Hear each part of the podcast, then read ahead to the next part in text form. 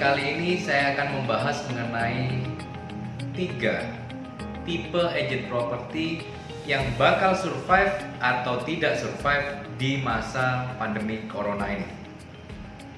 Nah, sebelum membahas mengenai tiga tipe agent tersebut, saya akan membahas mengenai apa dampak virus corona terhadap Indonesia dan masyarakatnya. Yang pertama pasti adalah mengenai kesehatan. Jadi virus ini itu sangat mudah sekali dalam penyebarannya dan sebetulnya virus ini tingkat mortalitinya sebetulnya tidak tinggi. Tetapi karena disebabkan penyebarannya yang sangat cepat membuat sistem kesehatan kita tidak siap untuk menghadapi pandemi corona tersebut. Nah, cuma good newsnya adalah sebetulnya 80% dari mereka yang terjangkit virus ini itu hanya mengalami yang namanya gejala ringan.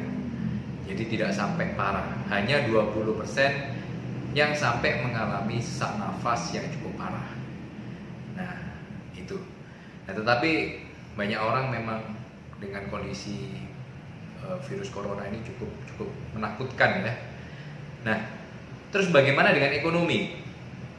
Saya hampir 40 tahun hidup tidak pernah mengalami yang namanya kondisi seperti sekarang ini. Ini betul-betul kondisi yang mungkin berapa puluh tahun atau berapa ratus tahun sekali terjadi. Jadi di mana tiba-tiba seluruh ekonomi dunia tiba-tiba terhenti secara total. Jadi cukup menakutkan memang.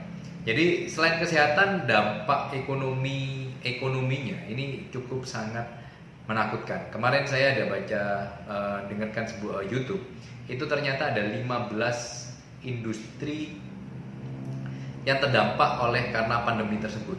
Yang pasti industri pariwisata, airlines dan yang berkenaan dengannya. Terus kemudian uh, mall terus tempat makan dan masih banyak lain yang turunannya juga ikut terdampak. Nah, selain kesehatan, ekonomi dan yang terakhir adalah yang terdampak oleh corona adalah masalah psikologi manusia. Orang jadi cenderung untuk uh, dalam bahasa Indonesia-nya itu bahasa kerennya itu parno.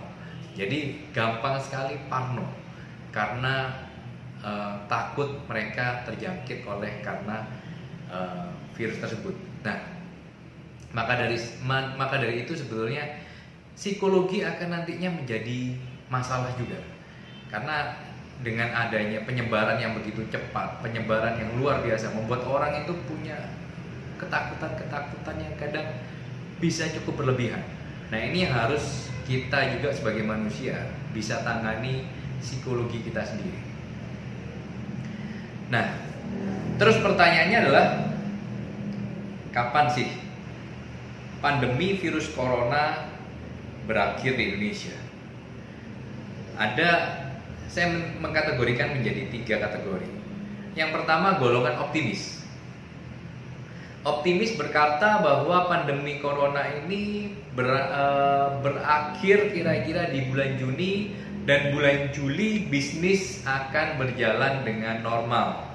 Itu bagi e, golongan optimis. Nah, terus ada lagi yang namanya golongan netral. Mereka bilang bahwa bisnis akan berjalan normal sekitar bulan Agustus dan September. Nah, tetapi ada golongan lagi yang disebut ya yang saya menyebutnya golongan pesimis mengenai kondisi tersebut. Mereka bilang virus corona tidak akan pernah berakhir.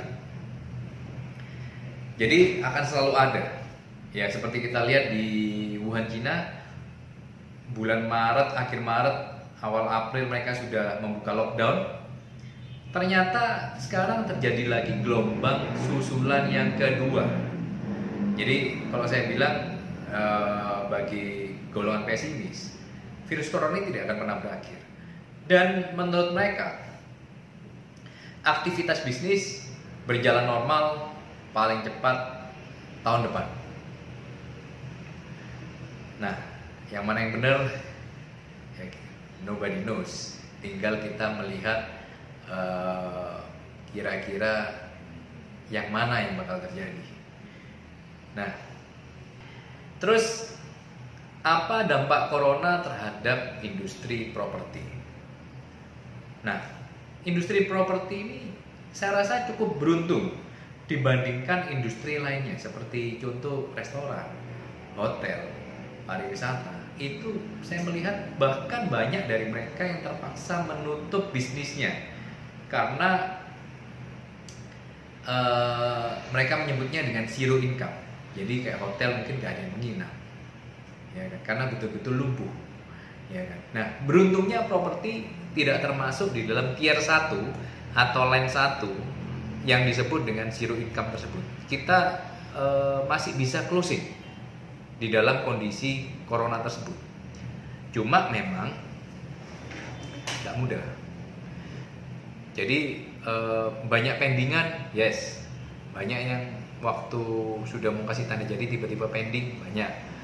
Ya kan. Terus kemudian proses transaksi pun menjadi lebih sulit karena notaris libur, terus BPN juga libur. Nah ini yang agak susah atau ber, kadang bekerja setengah hari dan sebagainya. Ini yang agak susahnya di sana. Proses jadi lama.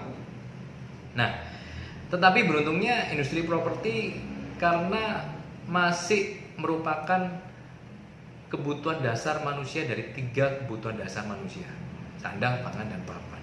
Jadi bagaimanapun juga manusia tetap butuh properti. Jadi saya sebagai pelaku uh, industri ini, saya merasa bahwa masih ada optimisme uh, di industri ini. Jadi tidak sampai kita zero income, masih bisa berpenghasilan. Tetapi yang terjadi adalah disruption telah terjadi di industri kita.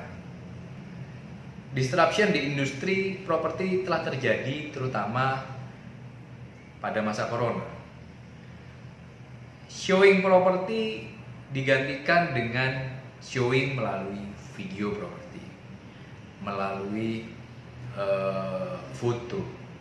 Jadi orang sudah mulai takut, pembeli mulai takut untuk melakukan viewing properti. Memang kalau dari data kita uh, jumlah viewing properti itu menurun dengan cukup tajam. Tetapi uh, kadang orang itu cuma minta ditunjukin foto, video, mereka masih tetap bisa transaksi. Nah itu salah satu disruptionnya. Terus uh, dari cara pemasaran konvensional dan online itu ternyata respon konvensional itu mengalami penurunan seperti banner dan sebagainya itu mengalami penurunan cukup tajam tetapi tidak dengan respon online jadi dari sosial media dari portal properti itu masih mengalami yang namanya kenaikan, tidak mengalami penurunan. Nah, jadi behaviornya orang itu sudah berubah. Mereka tidak lagi uh, turun keliling lihat properti tetapi melalui online. Nah, itu jadi bagi teman-teman yang bergerak di industri ini bisa memanfaatkan all online, pemasaran online dengan lebih serius lagi. Nah juga ini uh,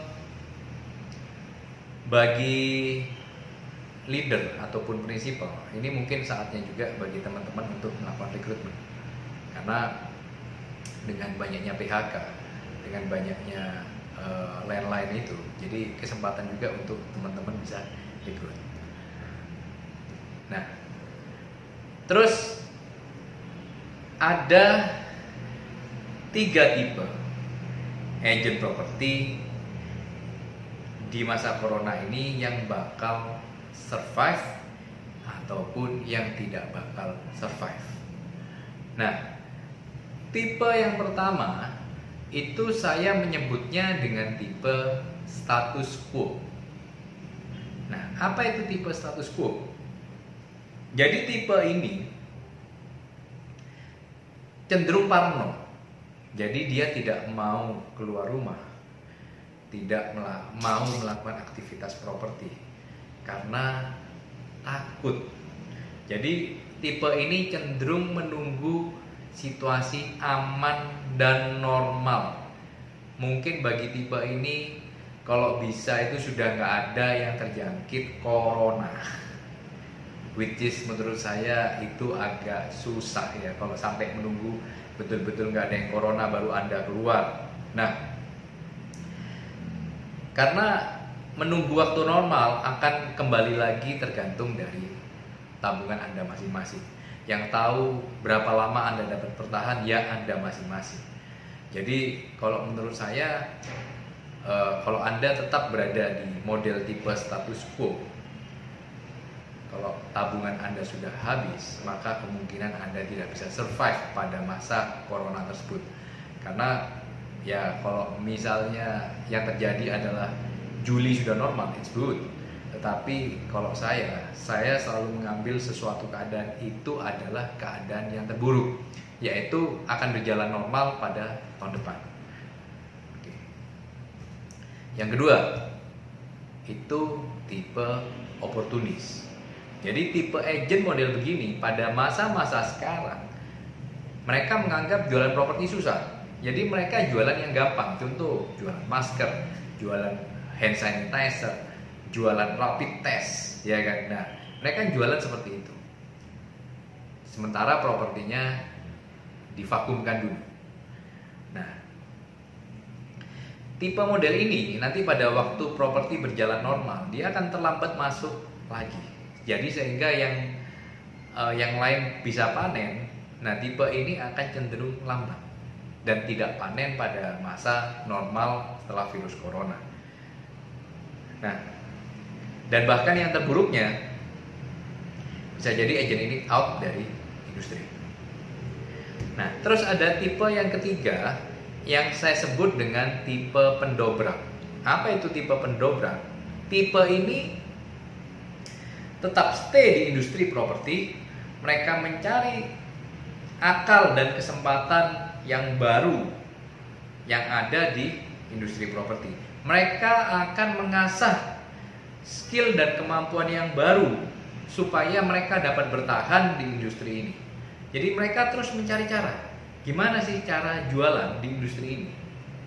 Di masa-masa corona tersebut dia cari cara terus. Nah, memang mungkin bulan April, bulan Mei dia masih masih tidak nyaman dengan cara yang dia dia cara dia yang baru. Memang mungkin masih tidak nyaman, tetapi begitu sudah mungkin dia memasuki bulan Juni, dia akan merasa nyaman dan dia akan kencang sekali di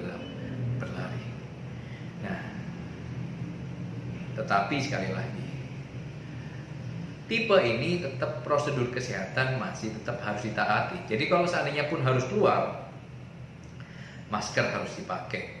Tiap kali mau uh, ketemu orang tidak perlu salaman, hanya uh, seperti itu. Terus kemudian uh, cuci tangan secara rutin, ya kan? Nah, prosedur kesehatan masih tetap dijalankan.